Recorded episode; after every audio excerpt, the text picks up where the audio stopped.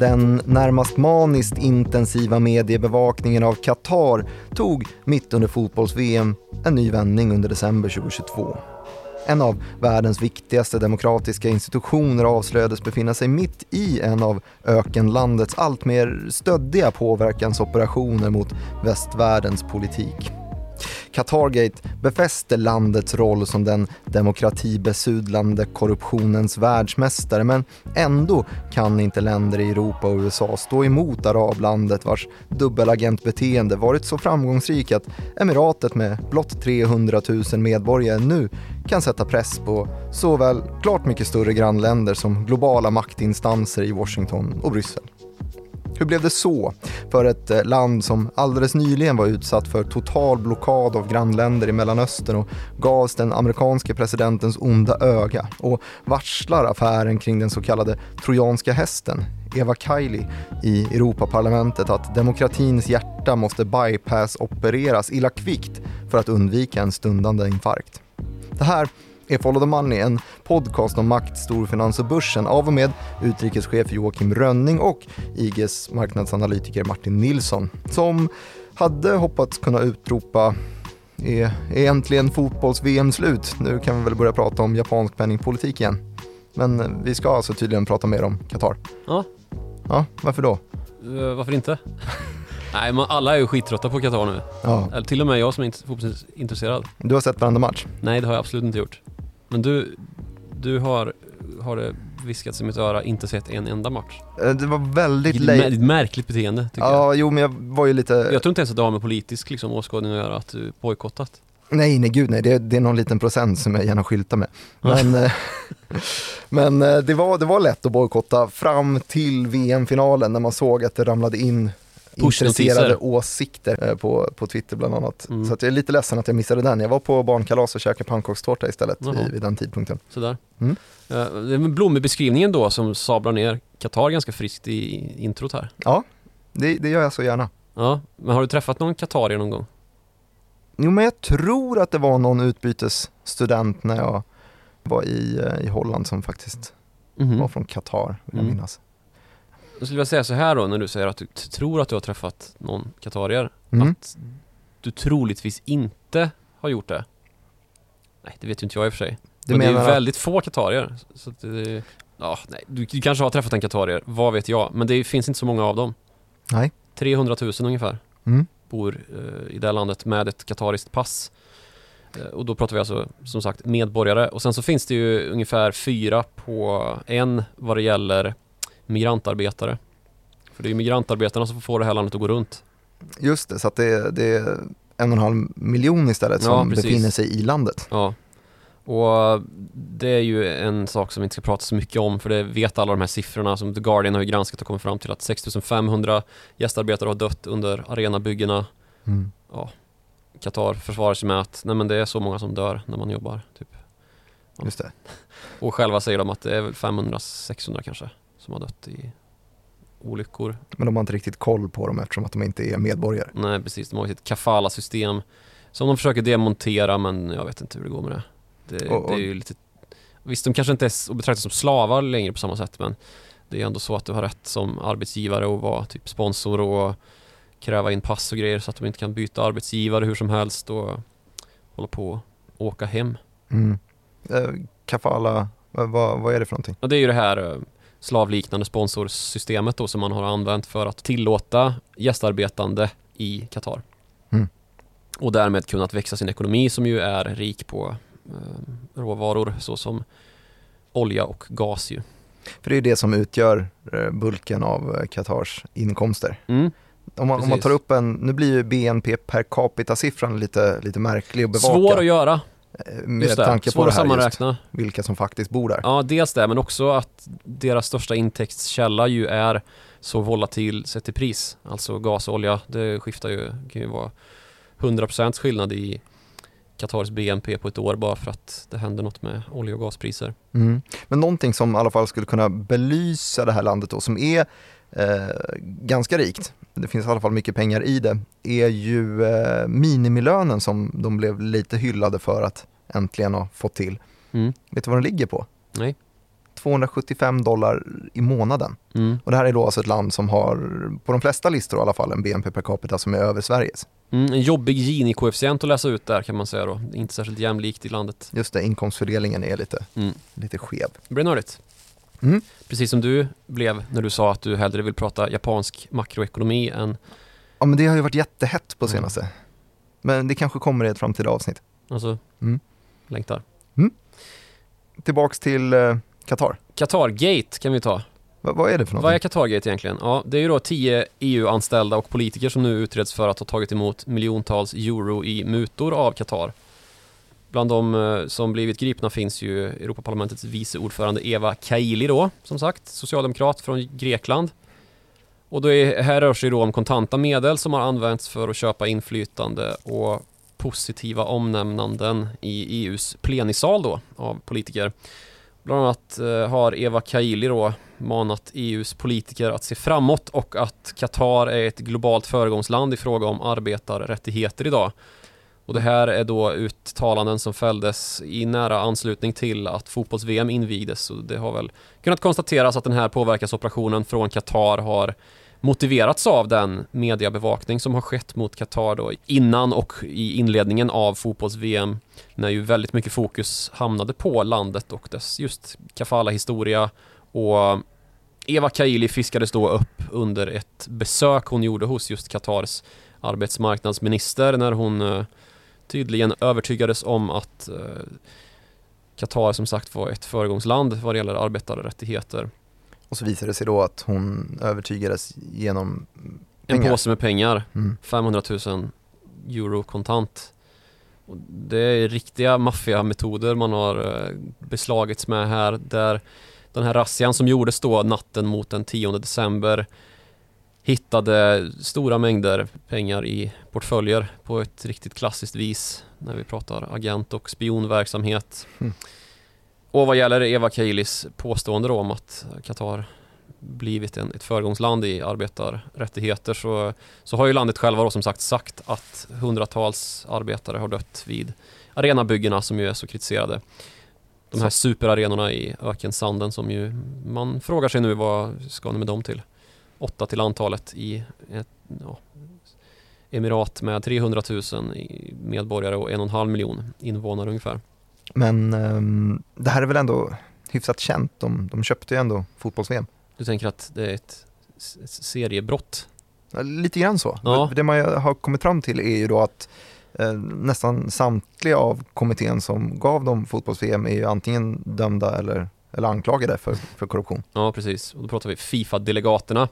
Så Eva Kili är absolut inte det enda beviset på det här som just nu utspelar sig, eller som har utspelat sig under tid. Det är 12 år sedan Qatar tilldelades fotbolls-VM av Fifa och de köpte ju VM med hjälp av mutor. Och USA och flera andra långt mer trovärdiga arrangörskandidater fick ju inte VM. Det var ju en stor slam för Qatar att man fick VM när då USA bland annat besegrades där i omröstningen 2010. Och det är ju också på grund av att man köpte VM för någonstans 5 miljoner dollar i fickorna på Fifa-delegater som man nu försöker städa upp med nya mutor när det hela kom att utspela sig i Doha då. För Europa är ju den världsdel där det har gjorts störst sak av det här ju. Och Sverige kanske är föregångslandet framför andra vad det gäller den saken. Men här har vi ju kanske också den allra högsta demokratitilltron i typ hela Europa. Vi är på en väldigt högt stående ställning vad det gäller etik och moral och gillar gärna att slå oss för bröstet vad det kommer till vårt icke-korrupta land. Och då blir vi också mest förvånade när något sånt här sker. Ja, då blir det stor lite så. bevakning. Och Vi anser oss vara föregångslandet framför andra vad det avser det här. Men så har ju vi också en helt annan lobbyapparat än vad många andra länder har. Tror vi i alla fall. För här ska det ju vara öppna spjäll och ingen ska smussla och ha sig. Den inställningen fick ju en anonym partibidragshärva där journalister på Kalla fakta var det väl visade hur partitoppar satte system och kringgå regler för att äska pengar från tveksamma påverkansoperatörer inför riksdagsvalet ju och bli en stor sak. Mm. Kommer du ihåg den här härvan? Mm, jag. Nästan alla håller ju på sådär och det har man gjort ganska länge också men det har varit väldigt svårt att granska det här. Och nu satte det igång alla larmklockor på en gång då i nyhetsmedia när det här uppdagades. Och det var ju ett av de största avslöjandena som, som gjordes i pressen inför höstens val. Men det påverkade ju inte heller eftersom att det visade sig vara så brett utnyttjat av nästan alla partier. Så att det är hyfsat jämnkorrupt. Ja, precis. Naivt av oss att tro något annat kanske, men orsaken bakom att det sker påverkanskampanjer bakom kulisserna här är väl att vi är lite mer blåögda och var och en till mans inte tror att det går till så här. Men Sverige har ju en riksdag där man måste registrera sig som lobbyist för att vara välkommen. Men det vet vi inte alls i lika stor utsträckning som till exempel det motsatta läget som ju råder i USA. Där man inte alls ser ner på påverkanskampanjer lika mycket som vi gör här. Där är ju lobby accepterat och vanligt och vardag liksom.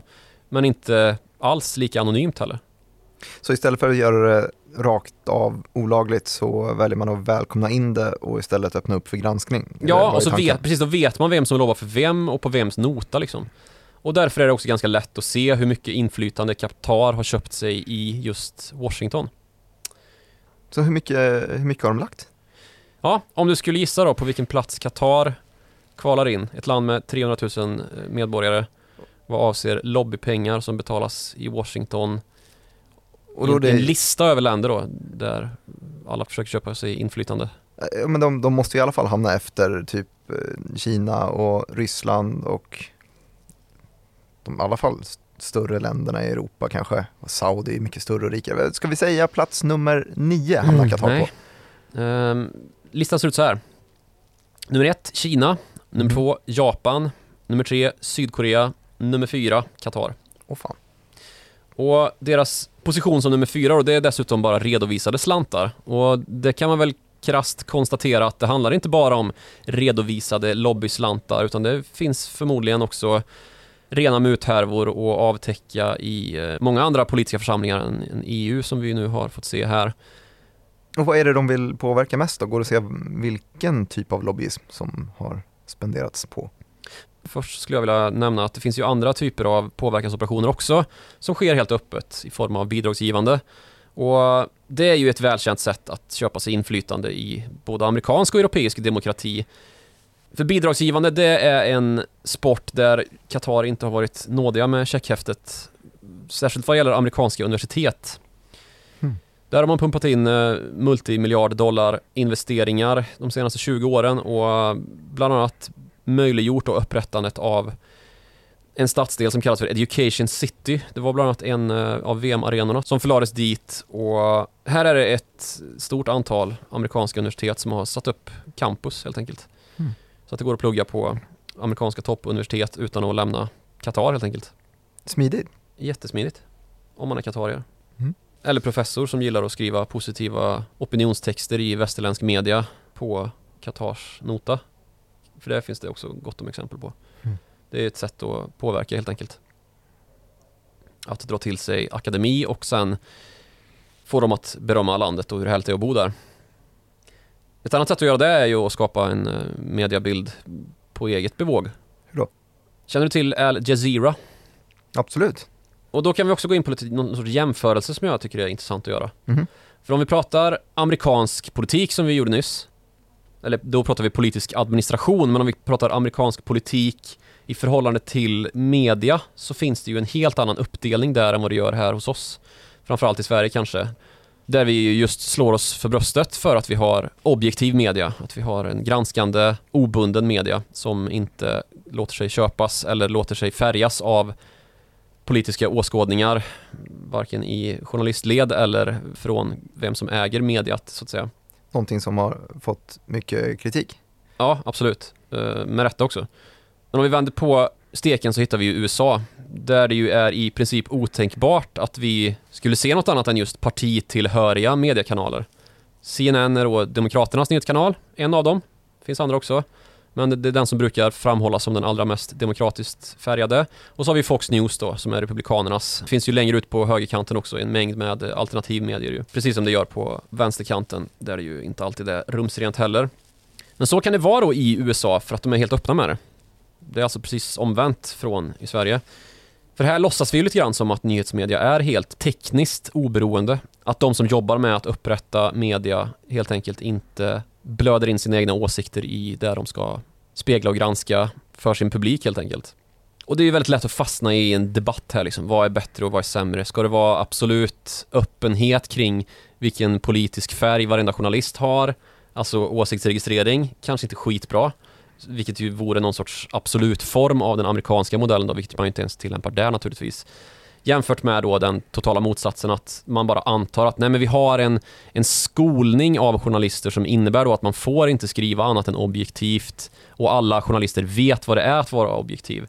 Då når vi någon sorts perfekt värld i jävsproblematiken åt andra hållet. Mm. Som ju är lika omöjlig liksom. Men man kan i alla fall konstatera att vi ligger på helt olika planhalvor när det gäller europeisk och framförallt kanske svensk media jämfört med amerikansk. Och den enda gemensamma nämnaren är att eh, källkritik borde bli, ta större utrymme ja, definitivt. i utbildningen. Och det kan vi ju diskutera ChatGPT och liksom sökmotorns inverkan på liksom det vi kallar för filterbubblor och annat, liksom hur svårt det har blivit att granska sina nyhetsflöden idag och hur det naturligtvis påverkar populistiskt i olika riktningar när man bara får en åsiktsformering som går åt samma håll som den man själv har liksom valt att anamma eller den som man har tilltalats att anamma från första början. Väldigt svårt med kritiskt tänkande överlag. Mm, men nu har vi hamnat i någon form av metadiskussion istället. Jag skulle vilja komma tillbaka till eh, ditt huvudspår här. Du kom fram till att eh, det var jävigt i USA. Ja, precis. Ger olika ingångsvärden som tittare och läsare kan förhålla sig till. Och vi är inte ute efter att, att liksom utse någon som bättre eller sämre, för det går nog inte att säga. Men varför pratar vi om det här då? Eh, där du undrar. Mm. Och det är för att media också kommer in i bilden jävligt lägligt när det handlar om Qatar genom Al Jazeera ju. Som ju liksom gör att Qatar skiljer ut sig från resten av arabvärlden, resten av Gulfländerna vad gäller yttrandefrihet. Eller i alla fall vad man själva anser är tillräcklig yttrandefrihet kanske man ska. För eh, Al Jazeera ägs av Qatar. Ja, och det här är ju en kanal som har kommit att problematiseras i takt med att den växt. För idag så är ju det här ett globalt medianätverk som positionerat sig i precis hela världen som en högkvalitativ nyhetstjänst och det är också i stor utsträckning från att när det inleddes haft en ganska ljusskygg tillvaro som väl egentligen fick fart. Det grundades 1996, det här bolaget, men började i inledningen av 2000 då och positionera sig när Nyhetskanalen då blev en liksom nödvändig tjänst för många västerlänningar när det gällde rapportering om kriget mot terrorismen efter 11 september-attackerna då, kriget i Afghanistan där al-Qaida-ledare som låg under beskydd av talibanerna skulle skakas ut. Då var Al Jazeera det enda mediet egentligen som kunde intervjua båda sidor och dessutom återge det på ett liksom kulturellt vederhäftigt sätt som speglade verkligheten för vardera sida på ett sätt som liksom kom att respekteras till slut i västvärlden också. Men det rör sig alltså om, om liksom tillräcklig yttrandefrihet som den enda mediala fyrbåken med någon sorts internationellt snitt i Mellanöstern så begår ju alla journalister på Al Jazeera som ju, det finns ju exempel på svenska journalister som har tagit en sväng förbi Al Jazeera och jobbat där ett tag som nyhetshallåor Liksom det finns en mängd västerländska reportrar, programledare och nyhetsankare som, som tjänstgör på deras engelsktalande kanal då och gör det med bravur för det är toppenprogram mycket av det. Men däremot vad det kommer till Qatar och styret där så säger man ju inte ett ljud. Så det idkas ju total självcensur bland de här journalisterna. Det har inte varit så mycket skriverier i alla fall av granskande natur av fotbolls-VM i, Qatar från Al Jazeeras håll. Inte någonting ju överhuvudtaget. Precis som det inte har varit någonting vad gäller familjen Altani då, de som sitter på successionsrätten, alltså kungafamiljen som styrt landet under ja, hundratals år nu. Dels under osmanska härskare och brittiskt imperial överinseende men som har suttit i maktdominans där under många herrans år och liksom upprättat det system som är Qatar idag. Och det är ju ett ganska problematiskt system. Alla vet om att man bestraffar homosexualitet med döden. Ja, det räcker väl med att säga det egentligen mm. för att förstå att eh, inget vidare ur människorättsperspektivet. Okej, okay, så vi har ett, ett rikt land som har checkhäftet framme i, i USA, eh, tävlar mot de allra mest propagandasugna länderna. Vi har eh, ett land som också äger den största nyhetskanalen som täcker Mellanöstern och eh, de har köpt parlamentariker i, i EU. Vad gör de med där? Ja, de är ganska big on fastighets och infrastrukturprojekt överlag kan man väl säga. Var De har blivit en Mellanöstern-favorit, i alla fall för de här emiraten som köper in sig både i Stockholm och runt om i Europa. Kanske i Qatars fall allra mest i Spanien, Storbritannien, Tyskland, Grekland och Schweiz som står ut som stora intresseområden för just Qatar då. Men mest av allt då såklart så är det ju ett land som står ut jämfört med alla andra. Och nu såg inte du eh, finalen men du kanske har sett alla små videosnuttar som har kablats ut om medaljceremonin. Vilka som delade ut medaljerna, vem som stod bredvid Fifas korrupte ordförande Gianni Infantino som efterträdde den eh, korrupte ordföranden Sepp Blatter som gav Qatar VM där 2010 och eh, just Sheikh Hamad bin Khalifa Al Thani som han heter. Var det han som satte en, eh, någon form av ceremoniell rock över Messis Det var det, axlar? Ja. Precis, och i de bilderna så var ju som väl är inte den store europeiska ledaren för världens fria demokratier delaktig i eh, bildsekvensen. Men Frankrikes president Emmanuel Macron. precis, det är såklart Frankrike som blivit det allra viktigaste landet för Qatar. Både vad avser liksom köpt inflytande överlag men kanske framförallt vad det gäller sportswashing ju. Mm. Lite äckligt också att de två huvudrollsinnehavarna i den här finalen, Lionel Messi och Kylian Mbappé spelar för samma lag PSG.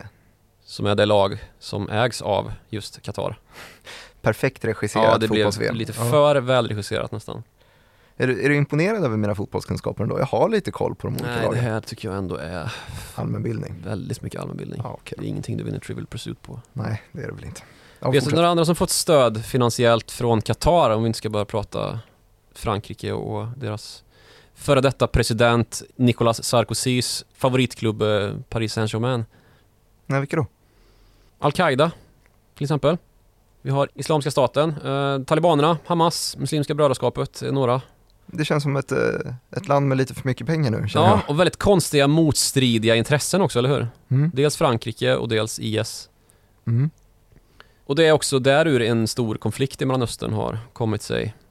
Och en spricka mellan Qatar och det USA som ju det lilla emiratet är fullständigt beroende av att ha som sin skyddsmakt. För här har vi ju, eh, USA har väl sin eh, största flygbas i den här lilla halvön som Precis. sticker ut där mitt i Mellanöstern. Exakt, det är då den flygbas som ligger utanför Doha som man använder väldigt mycket i just Afghanistankriget och sedermera också Irakkriget. Så det finns väldigt mycket dubbla allianser i Qatar uppenbarligen. Och då kanske man ska gå, inte ska gå så långt som att säga att alla de här stödpengarna som betalats ut till Al-Qaida, talibanerna och IS har varit direkt subventionerat från staten då. Men den kritik som har riktats mot Qatar under många herrans år är då att man inte har slagit ner på det här tillräckligt aggressivt. Att det har funnits så mycket katariska finansiärer av terrorrörelser utan att Qatar som statsmakt har gjort tillräckligt mycket för att stoppa det här penningflödet och ja, penningflöden som har möjliggjort bland annat World Trade Center-attackerna. Så de försöker vara, vara kompis med, med De försöker vara kompis med precis alla, precis. Så vad är intressant för, för oss som försöker få ett grepp av hela den här situationen blir ju då istället att lista ut deras agenda. Vart vill de komma med det? Nej, precis. Och det vill naturligtvis alla grannländer också. Som ju ser sig pressade av Qatar. Och det ledde till en stor bojkott mot Qatar under 2017. När alla grannländer och alla länder som var medlemmar i GCC eller Gulf Cooperation Council som är arabländernas samverkansorgan kan man säga.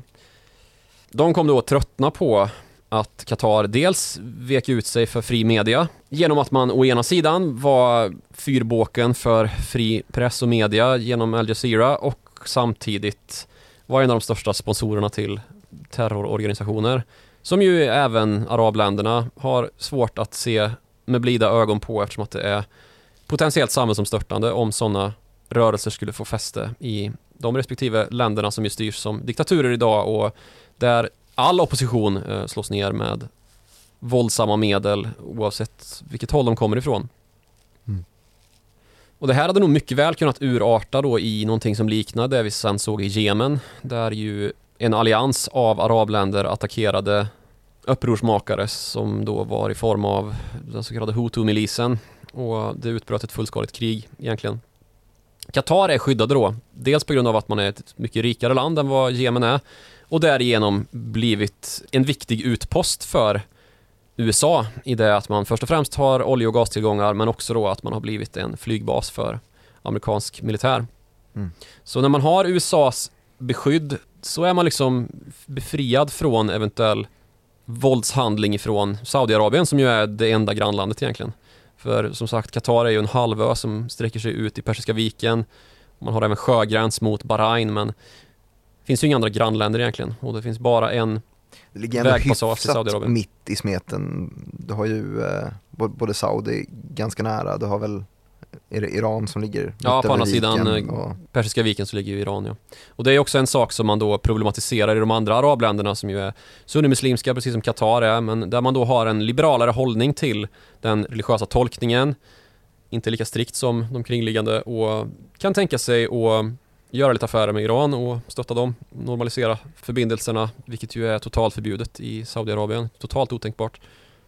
Och nu kommer ytterligare en styrkedemonstration då från Qatar när man fått ytterligare råg i ryggen här i EU. Och vad består den rågen i ryggen av då om inte just de här naturtillgångarna som nu blir ännu mer viktiga i det läge vi nu befinner oss med en energikris i Europa. Mm. Vi fick ju precis igenom igår, vi spelade in det här på tisdagen den 20 december, men igår så blev det klart att vi fick ett pristak även på naturgasen. Vi har tidigare snackat om ett pristak på rysk olja men det är ju mycket som rör sig i de politiska leden och man vill hitta andra vägar att mm. kunna försörja EU. Det har vi snackat om mycket med eh, energirika råvaror som just det Qatar sitter på. Blir Qatar eh, stora importlandet? Är det det som är deras endgame? Ja, det, deras endgame skulle jag nog säga är att de vill bli en större maktfaktor, en större erkänd maktfaktor i Mellanöstern än vad man är idag. Vilket också syns då på att vi pratade om stöd till terrorrörelser. Om man ska prata statligt stöd till terrorrörelser så finns det också exempel på sånt. Till exempel då under arabiska våren när man liksom skickade ut tåtar till både höger och vänster. Man stöttade tvivelaktig milis i Libyen för att störta Gaddafi där. Man sträckte samtidigt ut diplomatiska kontakter till Tunisien som ju gick mot en mer demokratiskt sinnad framtid, vilket inte alls var någonting som de här libyska separatisterna var intresserade av. Man har varit instrumentell i flera rebellgruppers krigföring i Syrien och försökt där då välta Bashar al-Assad som ju innan arabiska våren hade en väldigt framskjuten position i den arabisktalande världens politik. Ett maktvakuum då potentiellt som man ju vill fylla i konkurrens med grannlandet Saudiarabien som är mycket större både ekonomiskt och sett till folkmängd. Så då krävs det ju någon sorts annan politik då och det har ju blivit just den här ambivalent hållna dubbelagent-diplomatin då som man ju för sig med både mot sina grannländer på olika sidor av Persiska viken men också mot västländer. Mm. Men också i övriga arabvärlden och i, mot eh, västländer då. Och om vi drar tillbaks det här till, till framtiden har vi dassat runt lite i olika händelser de senaste 20 åren ungefär. Eh, Fotbolls-VM, sportswashingen, har det funkat? Jag tycker nog att det är en lite för enkelt ställd fråga egentligen. För om man räknar kronor och ören eller dollar och cent eller katariska real och dirham som det heter där så kan man nog inte säga att det har varit särskilt lyckat. Jag har sett en massa olika siffror på hur, eh, det är ett intressant förhållande för övrigt det här hur mycket man mutade till sig VM för i kostnad, alltså 5 miljoner dollar kostade det skicka ner pengar i korrupta Fifa-delegaters från ofta ganska fattiga länders fickor jämfört med vad det kostade att arrangera VM och bygga de här arenorna. Hundratals miljarder dollar Dollar, istället. ja precis. Det har ju mm. varit gigantiska kostnader och jag vet inte vilken siffra man ska tro på. Jag har sett allt från 2500 miljarder kronor motsvarande då eh, ända upp till det dubbla i alla fall. Ett svenskt BNP på ett år ungefär. Ja. Mm. Men det man bör fästa fokus vid, eller det man bör fråga sig, det är ju det som oroar just nu då när VM är lagt i handlingarna och den händelse som utspelar sig här under slutdelen av 2022 när VM är slut och vi har haft den kanske värsta korruptionsskandalen avtäckt i EU på ja, men 25 år kanske. Och att detta sammanfaller med en gaskris då som gör att vi inte har några verktyg egentligen att slå tillbaka med. Just det, för den naturliga sanktionen från EU mot Qatar skulle vara just importstopp. Ja precis, slutar vi köpa gas av er om ni ska bete er så här. Skada den europeiska demokratin. Och sen så kanske det är mycket att säga vad det gäller just Eva Keilis fall då, den här grekiska Europaparlamentarikern och vice ordföranden. Hon är alltså en av 14 vice ordföranden i Europaparlamentet så hon är liksom inte namnkunnig på samma sätt som Ursula von der Leyen eller någon av kommissionärerna är. Men det är inte första gången vi ser sånt här i Europas finaste politiska institutioner. Både i Europarådet och de andra grenarna i EU-kommissionen för ett 20-tal år sedan så har vi sett sådana här mutskandaler där man har dels uppvisat oerhört liksom flagranta regelbrott mot den politiska uppförandekoden liksom som i EU alldeles för mycket är ett oskrivet blad eller en liksom vad man brukar säga, en oskriven lag liksom om hur man ska bete sig. För det saknas då jämfört med hur det ser ut i både USA och i ja, men Sverige och flera andra EU-länder som Frankrike till exempel som är oerhört kompetenta på just att blottlägga korruption och Naiviteten tillåter typ proffspolitiker att även ha sidouppdrag och de blir inte lika hårt granskade som man kan tänka sig att de blir i länder som är vana vid den här typen Precis så är det. Om vi ska gå igenom hur det ser ut i EU när det kommer till lobbyism så är ju det här med moonlighting, har du talat om det? Nej. Alltså jobba vid sidan av, i månens sken ungefär, det är som man tänker sig. Mm. Och slarvigt förklarat så har vi då en blandning mellan hur det ser ut i USA och Sverige. Om du minns hur vi förklarade det som USA, totala öppenheten för att alla låter sig köpas ungefär och Sverige dess motsats. Den totala naiviteten i att alla är lojala någon sorts uppförandekod då och inte låter sig köpas men alla egentligen gör det när det kommer till kritan och det blir ett omvänt förhållande nästan. Märker väl att det är slarviga förklaringar då men bara för att göra det lite kryddigt, kryddigt och estetiskt tilltalande. Ja, fortsätt. I USA och Sverige så registreras då alla lobbyister för att släppas in i riksdagen eller få ta möten med riksdagsledamöter eller kongresspolitiker. Men i EU så har man inte kommit längre då med att problematisera det här med lobbyism, alltså köpt inflytande över sakfrågor och politiska beslut i nästa led, än att man helt fritt får vara Europaparlamentariker och lobbyist. Alltså jobba som de facto lobbyist egentligen. Då ställs heller inga krav från någon instans att det ska hållas koll då, så som i USA eller Sverige, på vem som köper vem. Utan istället så handlar det då om ett spelat eget ansvar, kan man säga. Alltså ännu mer än i Sverige då, att man uppmanas agera etiskt, men det finns liksom en kultur av att man är immun och kommer undan med strafffrihet om man nu skulle bryta mot de regler som har satts upp, som är ganska glättiga och luftiga liksom, och urvattnade. Och det ser vi väl lite grann nu konsekvenserna av då i fallet med Eva Kaili. Tron på att man liksom håller en politisk institution som ständigt utsätts för påverkansoperationer självsanerad. Eh, det är ju liksom i själva fallet självförgörande visar det sig. Lite som när vi fick den här anonyma partibidragshärvan i uh, höstas inför riksdagsvalet. Fast i kubik ungefär. Mm. Och du menar här då att om det är en som har dykt upp nu i Eva Kaili så är det sannolikt att det finns ja, ganska många fler? Det är inte en här, det är ju tio stycken och det finns ett helt släktträd man kan göra, eller ja, släktträd, ett organisationsträd man kan göra av de här inblandade politikerna. Det är också en italiensk före detta Europaparlamentariker som inte längre är i tjänst som eh, är involverad. Så det är ett gammalt problem och här finns det verkligen att göra då i EU. Där alltså EU-parlamentsledamöter får jobba vid sidan av den rätt välavlönande politiska anställningen vid parlamentet. Och det är dessutom ganska vanligt att man gör det. Man sitter i styrelsen för något, något bolag eller konsultar lite. Ja, alltså 27% av Europaparlamentarikerna har side gigs kan man säga. Och det gör ju att risken för intressekonflikter blir ganska hög och att vissa rent av går att klassa som lobbyister om man ska vara krass. I alla fall lobbyister in spe då, alltså att man nästan aspirerar på att bli en lobbyist under beteckning som konsult, jurist eller frilansande någonting liksom. Utan att det finns något krav på att aktiviteter redovisas närmare för någon kontrollinstans, någon EU-institution eller någon liksom granskande myndighet eller att upprättas offentliga register över saker som mötesprotokoll och deltagare som kan granskas av tredje statsmakten då, alltså media. Vilket ju är legio i eh, framförallt USA, men även i Sverige, att det får inte ske några möten vid sidan av liksom i eh, den politiska församlingen som inte går att göra den här typen av organisationsträd som man nu gjort över Eva Kailis fall där man då konstaterar kopplingen mellan Qatar och ett tiotal politiker och deras anställda. Mm.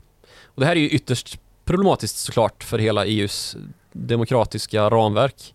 Att man inte har några krav på sig att redovisa möten och att de fåtaliga granskningar som ändå görs då, där det också ibland hittas oegentligheter, ständigt förbegår obestraffade. Så det här kan ju kanske bli en förändrande faktor då när här, den här stora härvan uppdagats. För det har liksom lett till att visselblåsare inte blivit särskilt populära, att det här systemet har funnits på en informell basis. Och de här visselblåsarna som vi ser i politiska församlingar i övrigt då, eller myndigheter i stort, där vi ju i Sverige går i första ledet med vårt meddelarskydd, att man som myndighetsanställd inte får eftersökas om man nu har gjort uttalanden för just tredje statsmakten, alltså media, och visselblåst om att någonting inte står rätt till visar vi den demokratiska samhällsstyrningen så finns det liksom inget rum för den typen av ledgång i EU eftersom att här består då det skiktet av maktutövningen, alltså politikernas assistenter och rådgivare först och främst. Det är anställda som handplockats av politikerna själva och som ju helt enkelt kan få sparken om de inte gör som politikern själv tycker är lämpligt. Är det här Sverige hamnar på bakfoten då? Jag, jag tänker alltså om eh, naivitetens centrum för den här typen av lobbyismverksamhet är Sverige eh, jämfört med USA som var den andra sidan av den linjen så finns det då alltså kanske färre Swedish Match-lobbyister i, i, EU än vad det hade gjort om det hade varit ett eh, franskt företag. Ja precis, men ändå så har vi tydligen tillräckligt många Swedish Match-lobbyister för att få fortsätta snusa. Ja, det kommer ju upp som en nyhet sådär var, var tredje år. Ja. Nu, nu sätter EU press. Nu, nu, nu är det kört för alla snusare. Det var ju nyss en sån nyhet för Swedish ja, Match. Ja, det var det jag tänkte på. Som ju inte blev något den här gången heller. Nej. Men nu kom det ju den här studien också om att det är så jävla dödligt med snus så att det kanske ändrar på sig här nästa, om tre år igen. Mm. Mm. Får vi se. Men trots då att, eh, om vi ska komma tillbaka till sakfrågan, så är ju Sveriges politiska system bättre skyddat då än vad EU är, eftersom att man ju här tvingas registrera lobbyister, vilket man inte gör i EU, alltså. I alla fall inte de facto, utan det är mest ett väldigt, ett motsatsen till finmaskigt skyddsnät. Grovmaskigt. Grovmaskigt skyddsnät ja. i EU. Ja, precis. Och i en sån grovmaskig skyddsnätad kultur så har alltså folk som Eva Kaili med flera fattat beslut om att det är nog okej att se mellan fingrarna med det här och ta lite säckar med sedlar. Ska jag slinka ut sen. Ja. Mm. Och det medför ju att Qatar kan skada EUs trovärdighet som institution. Dessutom i en tid när väldigt mycket händer med världsordningen på en och samma gång efter ett krig i Europa har brutit ut. Ryssland anfaller. Vi har just tagit oss igenom en pandemi. Det är upptakter till våldshandlingar både här och där i sydkinesiska vatten och i eh, Tog du upp det igen? På gränsen mellan Indien och Kina i Himalaya och ja men lite här och där. Men du när vi snackar om det här med eh, lobbyism och påverkansverksamhet och då dra kopplingen till fotbolls-VM så har det verkligen funkat så jäkla bra? Jag minns tillbaka att vi gjorde något form av sportswashing avsnitt för mm, ganska så. lång tid sedan. Eh, och länderna som har haft fotbolls-VM, nu har vi då Qatar och backar vi fyra år innan det så var det väl Ryssland. Mm. Och backar vi lite innan det så var det Brasilien eller hur var det? Jag är fotbollsintresserad. Ja, lite grann.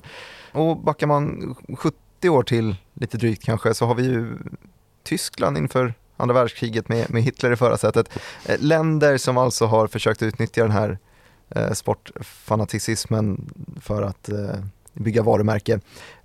Har inte lyckats bra eller? Alltså eh, när man tänker tillbaks på fotbolls-VM Brasilien som då kanske inte har lyckats så dåligt så är det ju bara skandaler. Oh. Och Ryssland, ja, vi vet ju exakt vad de är nu. Qatar blir väl mer granskade än någonsin. Mm. Funkar det? Jag vet inte om det varken funkar eller inte funkar. Det är kul att spela boll. Salt Bay står och försöker sno bucklan av Messi. Efter att Gianni Infantino gjort det Mm. och tvingat Messi ha på sig här jävla de liksom kulturapproprierat Argentinas landslagströja med en katarisk vinnarmantel. Mm. Det ju hedersamt. Och sen vägrat släppa bucklan. Nej, jag tyckte det var vidriga bilder där. Toppas av Elon Musk som står och tar selfies med. Jared Kushner. Ja, Ja, underbart. ett bra VM. Och Emmanuel Macron som bara inte kan hålla käft. Sola sig i glansen. Kom vi fram till någon form av eh, contenta det här avsnittet? Eller? Jo, men kanske att det liksom, just det här som Emmanuel Macron står och härjar med när han står axel mot axel med Khalifa al-Hattani, det är hans egen politiska integritet. Och det gör han liksom dagarna efter att den stora muthärvan i EU har uppdagats och Qatargate har prytt löpsedlarna i hela Europa. Ännu mer så nere på kontinenten än vad det gör här. Här är ju nästan alltid EU-nyheter, icke-nyheter. Så vi kan liksom inte ta lätt på politisk och demokratisk integritet nu. Mindre än någonsin kanske. Och här måste vi få till det som kallas för checks and balances i USA. Alltså någon som granskar makten i EU. För den uppförandekod som infördes efter en skandal 2011 räcker ju inte till på långt när uppenbarligen.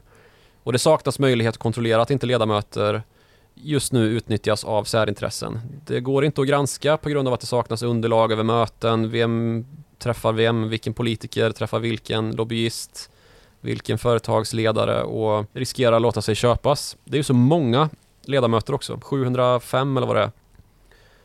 Och då är det ju särskilt beklämmande att det saknas regler för den typen av möten mellan EUs politiker och krafter som vill påverka, särskilt när det gäller tredje länder, sådana som inte är demokratier, ännu mer. Och här har vi ju dem allihop, arabländerna, Kina, tidigare Ryssland, som ju inte nu är välkomna någonstans. Det blir ett hot mot hela institutionen EU i förlängningen ju. Och hela Europas demokrati. Och faller Europas demokrati så faller demokratin i sin helhet. Vilket väl, det är nog ganska givet att säga att det är så. Och nu hörs också röster höjas då om att det är dags att vi upprättar en modell här som faktiskt är trovärdig efter att EU har funnits i typ 70 år. Så utöver näringslivets decoupling så sker nu även politikens decoupling. Ja, men det blir väl konsekvensen av det när man försöker utnyttja de demokratiska institutionerna att förgöra sig själva liksom.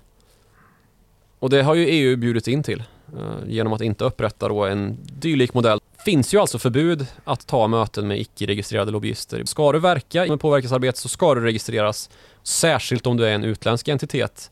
Annars får du inte träffa politiker och kohandla med ditt kapital då för att få inflytande. Och det har ju att göra med att spionagerisken är så hög och alltså att hotet mot demokratin inte kan negligeras. Och då hamnar man där som, som fjärde land på listan av de som ger mest. Men Ja, då vet alla fall det. Alltså, Al Jazeera hamnade ju i klistret i USA för några år sedan när det myndighetsorgan som man har där för att överse den här typen av registrering som krävs och de hävdade att den här nyhetskanalen Al Jazeera det är liksom att betrakta som en utländsk påverkansaktör som måste registreras innan de ska träffa några politiker. Samtidigt som vi, ja men vi har dylika register i EU, det är bara det att de inte, de är så ofullständigt kring dem. Och bland annat så har Europarådet just inkluderats och det är inte helt givet att det är tvingande än utan än så länge betraktas det liksom som urvattnat och provisoriskt efter långa förhandlingsrunder som bara pågår och finns i alla tre EU-institutionerna snarare än att det formas ett enhetligt för EU-kommissionen, parlamentet och Europarådet då, där det finns politiker egentligen. Samtidigt då som vi kan se över hur man ska hantera myndighetsorgan då som ECB och bankmyndigheten EBA med flera. Mm.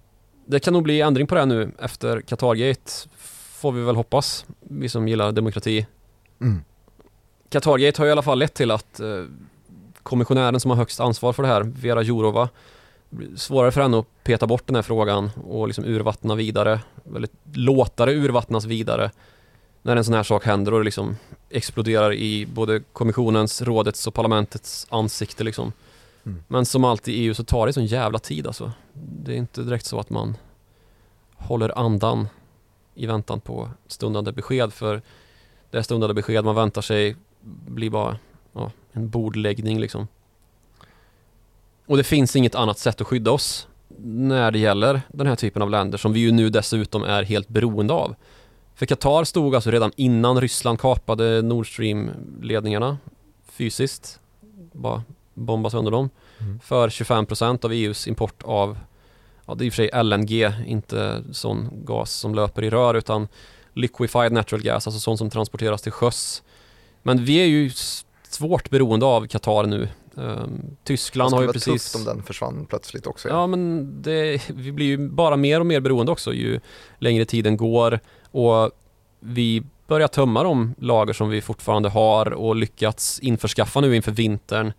Och det här vet ju naturligtvis Qatar också, liksom andra energileverantörer till Europa. Det var det första som hände att Qatar red ut till försvar och hävdade att dels man har inte gjort det här, man har inte varit i EU och mutat några politiker, vilket de ju såklart har gjort.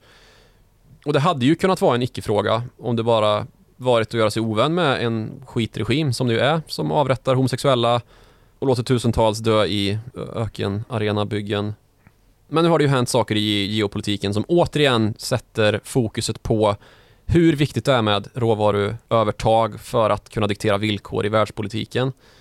Och för Qatars del så följde sig ju så lyckosamt som att kriget bröt ut i nära anslutning till fotbolls-VM och man fick därmed då en, ett givet påverkansvapen att slå tillbaka med då när västländer först smutskastade. Man försökte hitta en väg igenom eh, mutor och när det sen uppdagades så hade man ytterligare ett vapen då som ju var just gasen. Så hårdhandskarna kunde åka på och de motåtgärder som EU vidtog då det var bland annat att man eh, förbjöd katarisk representation vid parlamentet och man avbröt förhandlingar om en del visumliberaliseringar för katarier och eh, ett avtal med Qatar Airways som är statligt ägt. Det åkte också ut genom fönstret. Vilket Qatar då svarade på genom att säga Ja, ska ni ha någon energi eller? Mm. Ska ni ha någon naturgas? Mm. Och var tydliga med att det här kommer att leda till att pågående samarbeten om energisäkerhet såväl som liksom global säkerhet i övrigt, alltså terrorbekämpning, precis det kort som man tidigare har varit lite släpphänt med kunde lägga ut igen då att här, ja men om, om det ska vara på det här viset så kanske inte vi är så sugna på att liksom stoppa katariska förmögenheter och blöda ut till lite terrororganisationer ungefär. Om man ska tolka det lite taskigt. Och då står ju EU plötsligt ganska så svarslösa. Mm. Rent retoriskt i alla fall.